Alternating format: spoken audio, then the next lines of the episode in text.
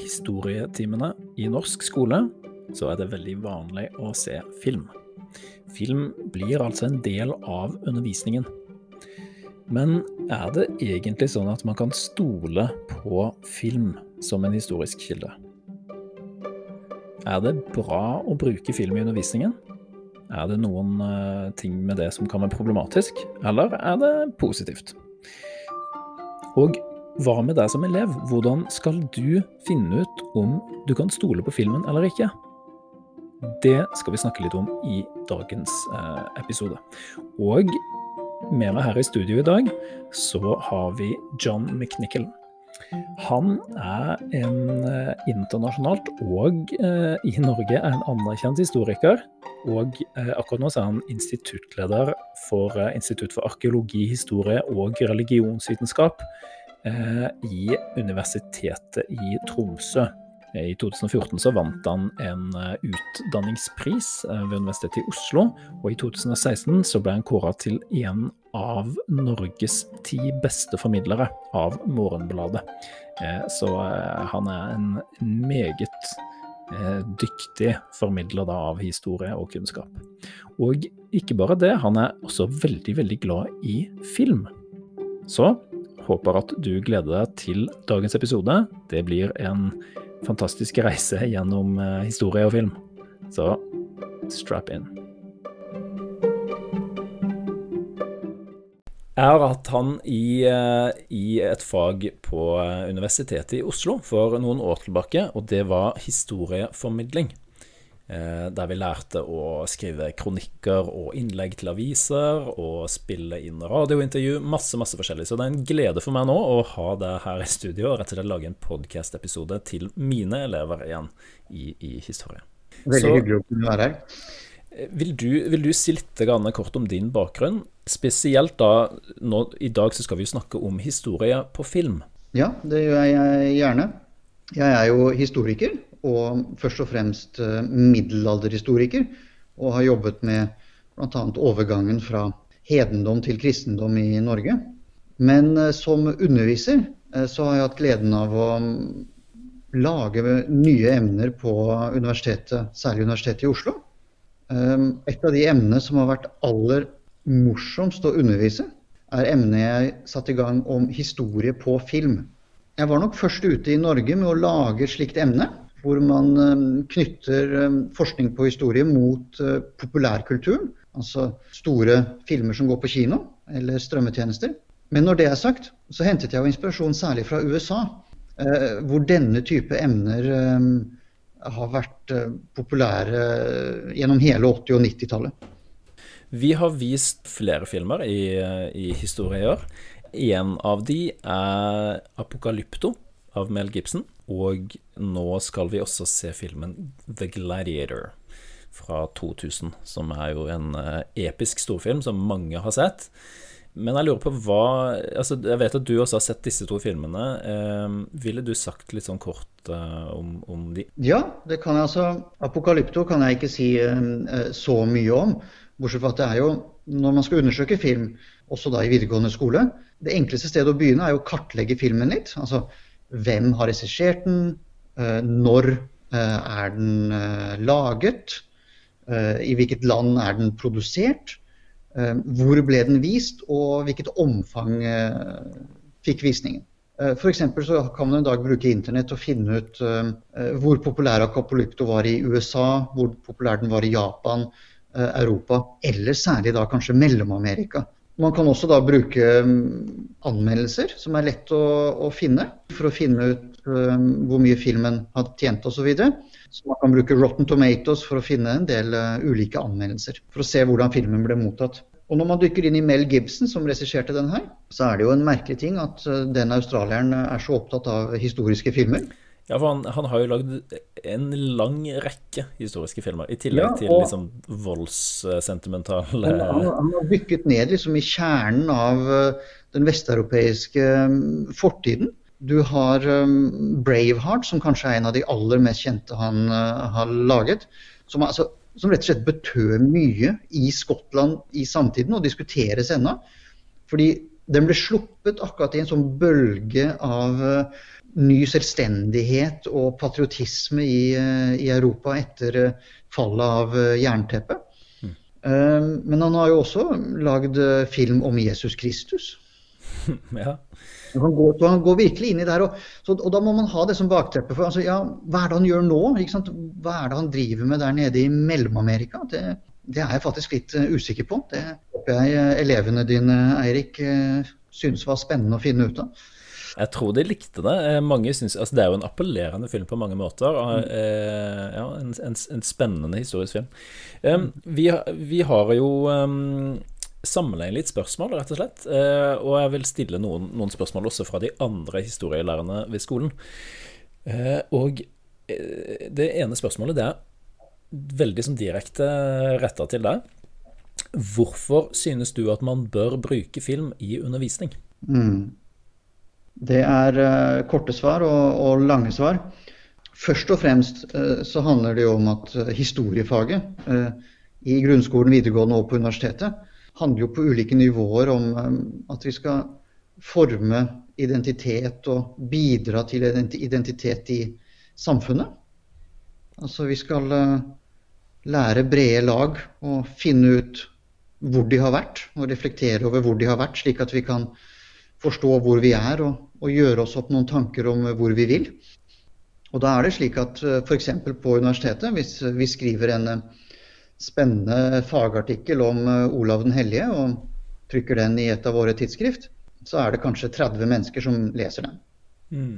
Hvis eh, det er en storfilm, 'The Gladiator', om eh, tiden mot, før sammenbruddet av det romerske imperiumet, så ses den av 500 millioner. Altså, populærkulturen betyr så enormt mye for formingen av identitet og fortidsforståelse uh, i dag. Mm. Og filmen har i stor grad tatt over. Altså det har gått ganske raskt. Uh, hvor vi har gått fra en tekstlig kultur til en digital og visuell kultur på ganske kort tid. Mm. Så derfor er det altså kjempeviktig at vi som arbeider med fortida, hovedsakelig tekstlig, at vi tar det steget over eh, til også å vurdere eh, den visuelle fremstillingen av fortida. Her er jo filmer noe av det som har aller størst betydning. Mm. Ja, Veldig spennende. for det, det, er en god grunn til å bruke en film. Fordi at det appellerer, det visualiserer, du kan se det for deg. Det er enklere å sette seg inn i fortiden, f.eks. For mm. Men siden så mange mennesker ser de, da, hvis de da er eh, på en måte f.eks.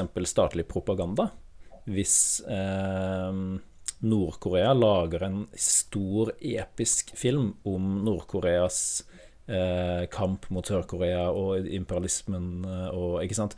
Da kan jo det potensielt være problematisk. Hvis den da ses av alle i Nord-Korea og er eh, på en måte vinkla på en veldig sånn ensretta måte. Det er, det er, helt klart. Og det er slik at um, Eh, før eh, vi hadde mm, TV og radio og kino, eh, så benyttet jo styresmakter seg av tekster, bøker, fortellinger, utdannelsessystemer osv. for å forme befolkningen i den retningen de kunne ønske. Nå er det slik at på én side så er den, den digitale tiden vi lever i, delvis demokratisk, fordi nå er det så vanskelig å kontrollere tilgangen til kunnskap. Mm. Internett har jo gjort, globalisert kunnskapen på et vis. Og Det gjør jo at det er vanskelig for styresmakter å ha kontroll over det. Det krever um, drastiske inngrep i forhold til å stenge internett og blokkere ut uh, store søkertjenester og sånn. Men samtidig så er jo da, som du sier, disse nye mediene også utrolig sterke. Uh, slik at de kan aktivt brukes til å, til å forme oppfatningen av det her. Mm. Um, innenfor mediefaget så er jo bl.a. Uh, Nazi-Tysklands uh, propagandafilmer er jo sånne stjerneeksempler uh, på hvordan styresmakter bevisst hentet inn de dyktigste kunstnerne og brukte de til sin egen propaganda. Så kildekritikk er jo avgjørende. Det er jo nettopp noe av grunnen til at vi må fokusere på historiefaget i skolen. Helt, helt, enig. Og hvordan skal man da som, som lærer, eh, hvis jeg tar meg selv som et eksempel, da, hvordan skal jeg vite hvilke filmer jeg bør vise, på en måte? Fordi at det er klart at det er fort gjort å velge en som kanskje eh, virker bra, men så er den kanskje litt spekulativ, eller den viser eh, Kanskje det er noen, noen eh, feil i den, eller at den fremstiller historien på en gammeldags måte, eller Altså, har du noen tips til hvilke filmer man bør og kan bruke når man skal lære bort eldre historie? Dette er vel egentlig på en måte et spørsmål som kan være viktig for mange lærere da, i videregående. Mm. Mm. Altså Man må jo um, aller først um, velge hvilke type film uh, man skal kunne satse på. ikke sant? Uh, du har jo dokumentarfilmer uh, om historie. det kan være nyttig. Uh, men eh, hvis man skal skape det umiddelbare engasjementet, eh, så kan man godt gå for da eh, kinofilmer, blockbustere, som er eh, engasjerende. Og hvis vi tar utgangspunkt i The Gladiator og Apocalypto Og The Gladiator er jo en film som er ekstremt lett å bli revet med i eh, for elevene. Eh, regien på den er jo som en slags amerikansk uh, Superball eller en amerikansk sportsfilm. Det, all kameraføring og actionoppbygging er som en sportsfilm. Det, det, er amerikanerne veldig gode på. Å bygge opp uh, følelser og spenning i sportsfilmer. Ja.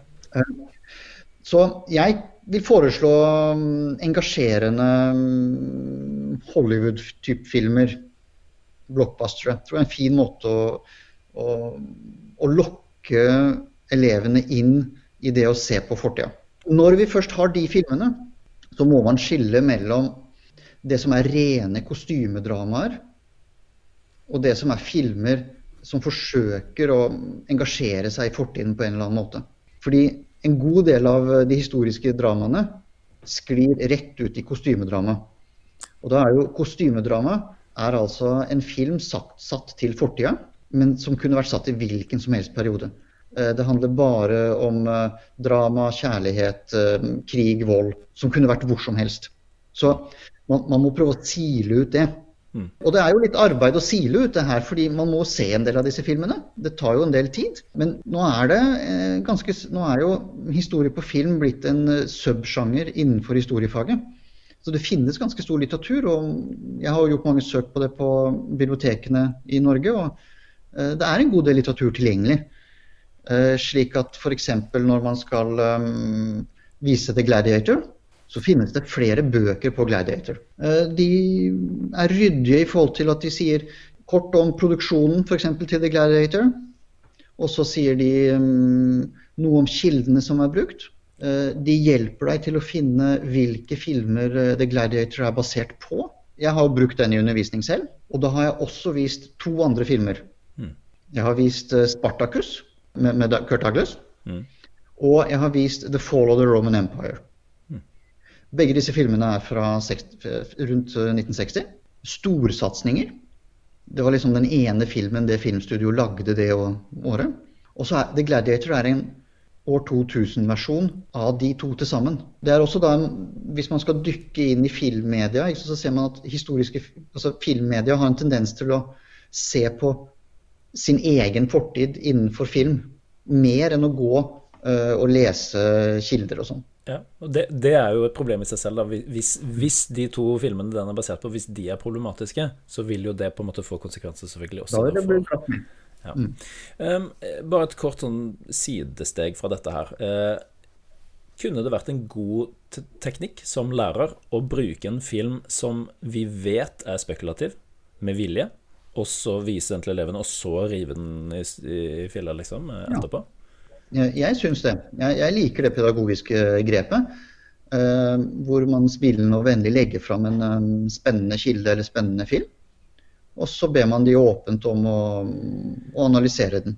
Mm. Og så må man uh, gå, bruke de kildekritiske verktøyene vi har som historikere, til å se på hva som er problematisk med den filmen eller kilden.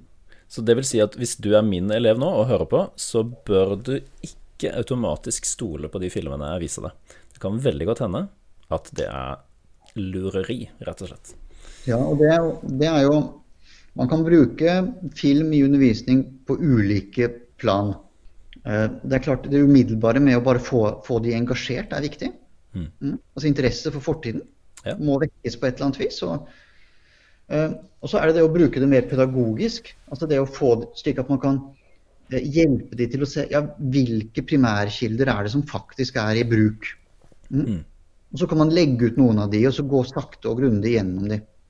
Og så må man se ja, ok, nå har vi plutselig lært litt om denne primærkilden. Hvordan ser det egentlig ut på film? Mm. Mm.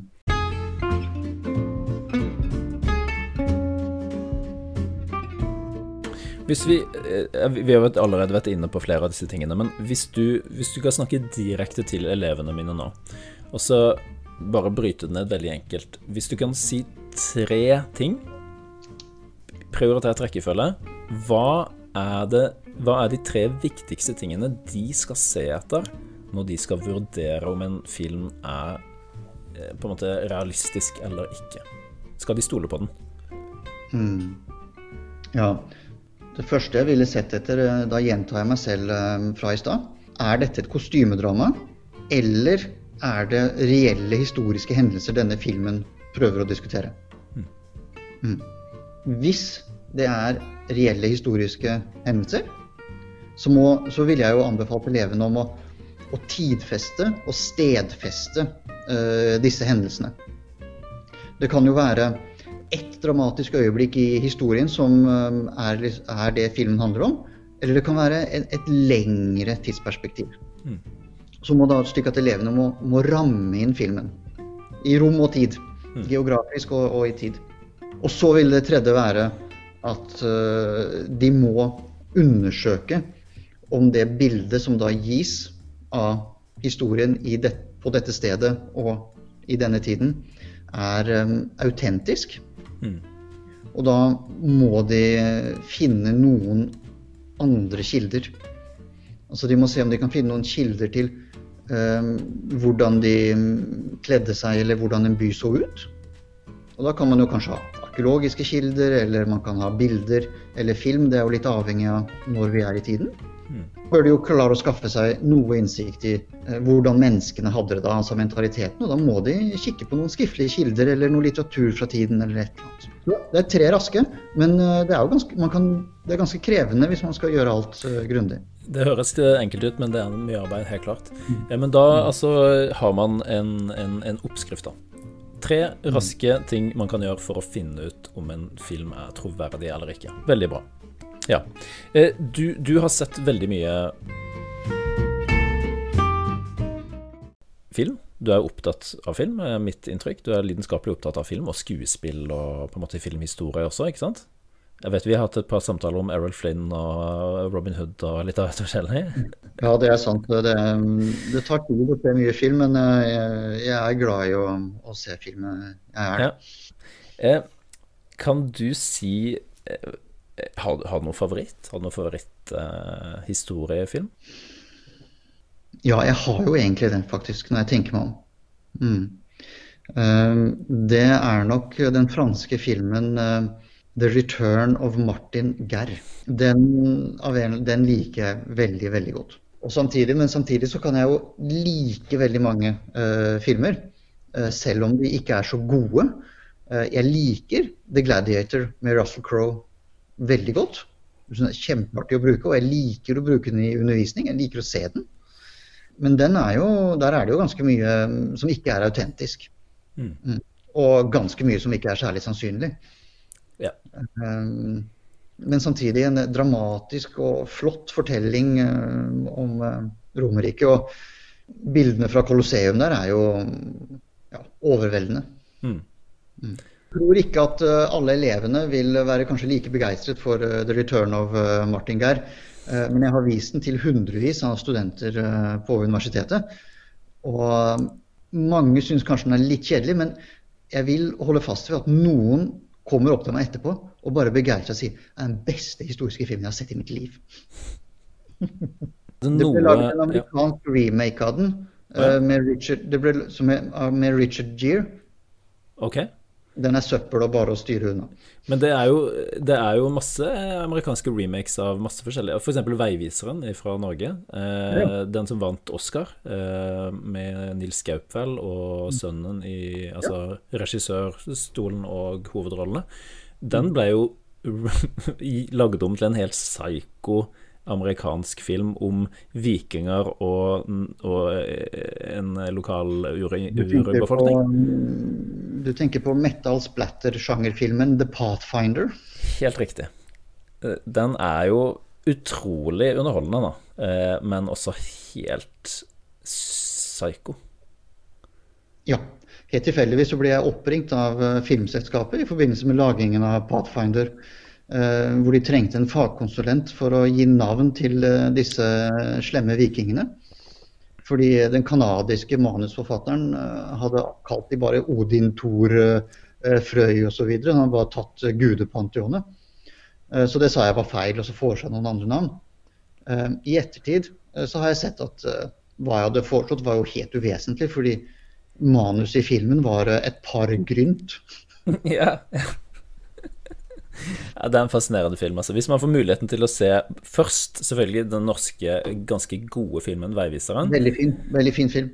Eh, og, og, så da etterpå se den fullstendig psyko, psykedeliske filmen eh, 'Pathfinder' etterpå. Så altså, det er fascinerende, altså. Veldig.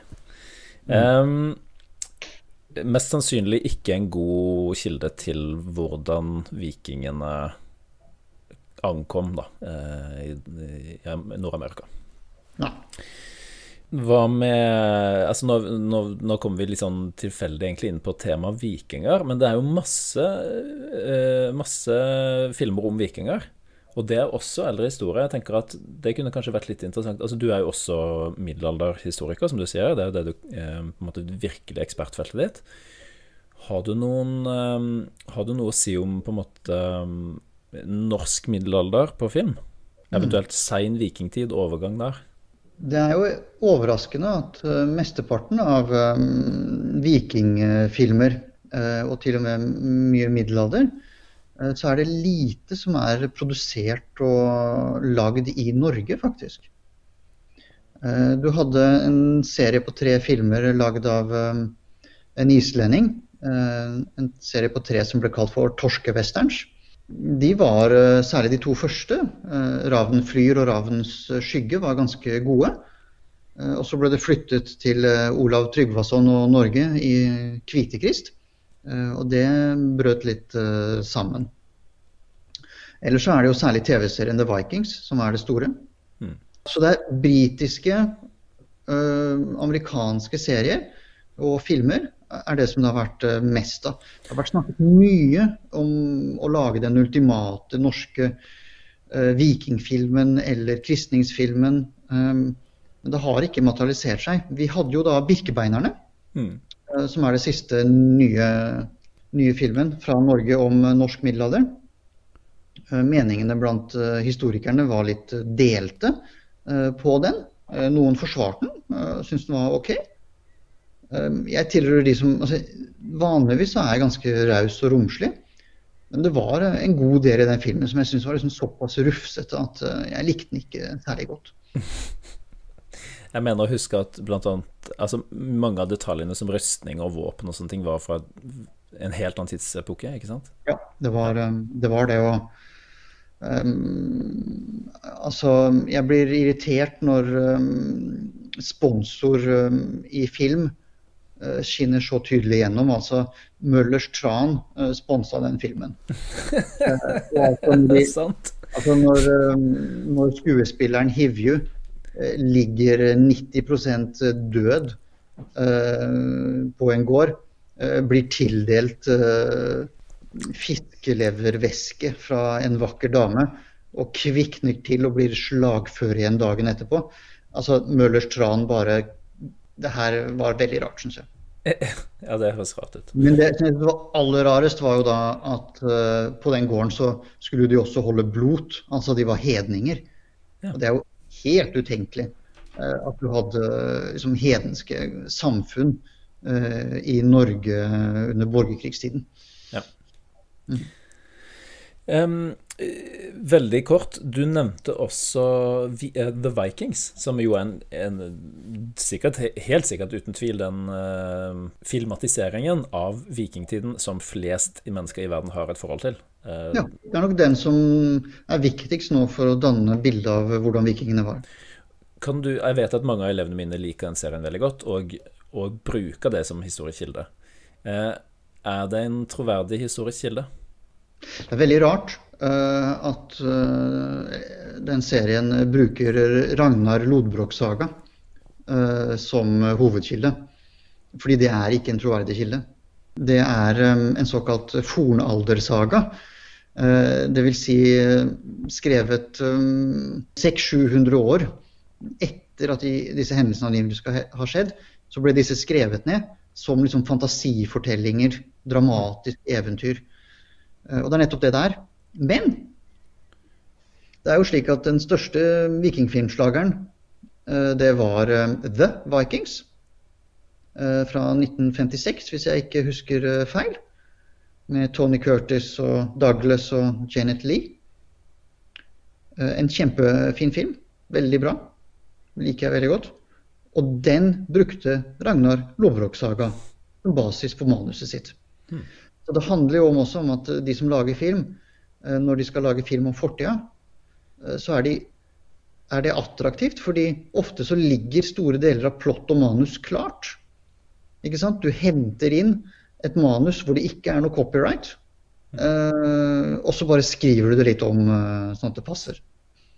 Så Ragnar Lobrok-saga ble brukt i 1956 og filmatiseringen av The Vikings. Og Eh, når de lagde TV-serien da, så kunne de ikke kalle den The Vikings, fordi den er faktisk copyright. Ja. Og da ble det Vikings, eh, som er da en um, dramatisk og fantasifull videreføring av filmen uh, ja. The Vikings. Men, for, så det, det, vil si at de blander virkelighet og fantasi da, i, i ganske stor grad? Veldig stor grad. Ja. Veldig stor grad. Så my, mye, mye, av det er fullstendig altså jeg, jeg husker en av scenene når de kommer til et Jeg husker ikke hva det heter, men det er et sted i Sverige hvor det var liksom et slags hellig sted. Og i virkeligheten så er det et Uppsala, som jo er et flatt bondelandskap. Mens i Vikings så er det et, et slags sånn mystisk fjellmassiv. er helt riktig. Uh, det er ikke gitt at det betyr så mye, uh, men uh, spesielt blir det. Det eneste man kan, må huske på da, for å forsvare uh, kunstnerne, da, på en måte. Ikke sant? Altså, det her er jo en evig diskusjon mellom faghistorikere uh, og kunstnere og forfattere som jobber med fortiden. Du kan gå helt tilbake til Aristoteles. Det er ganske lenge siden nå. Uh, han var opptatt av det her. og han skrev at historikeren Historikeren var opptatt av hva som hadde skjedd. Mens poeten er opptatt av hva som kunne ha skjedd. Og det er litt det som er skillet mellom faghistorie og historie på film òg. Fordi historie på film, der er poetene uh, i arbeid, ikke sant. De er opptatt av hva som kunne ha skjedd. Men samtidig så er jo poetene viktige, fordi de forteller oss generelle sannheter. De drøfter moral og intoleranse og mening med livet. Og når de bruker historien som fundament for det, så er de jo nødt til å gjøre utvalg. Og de er nødt til å komprimere fortida på måter som uh, oppleves som fantasifulle for uh, en historiker. Så vi må ha forståelse for det, og at det er viktig og riktig. Kjempefint. Da er vi egentlig ved veis ende her. Eh, er det noe du brenner inne med? Noe du har lyst til å um, si sånn helt avslutningsvis?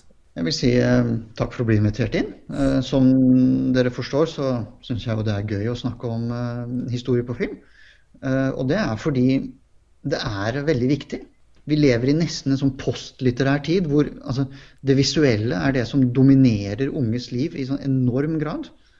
Og da er det viktig å gå inn i det på en faglig og skikkelig måte. og uh, Både forstå det og være raus om det, uh, men også være kritisk. Og der har historiefaget en helt sentral rolle.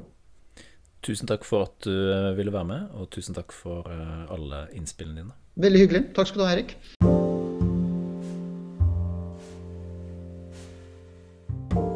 tusen takk igjen til John McNichol for å være med i dagens episode.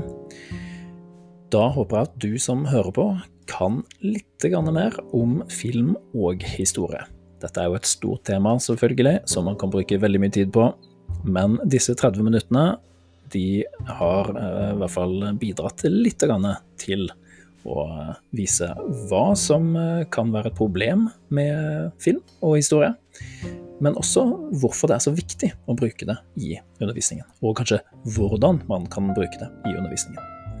Du som elev må passe på å sjekke kildene dine og bruke John McNichols tre raske tips for å finne ut om filmen er pålitelig som historisk kilde eller ikke.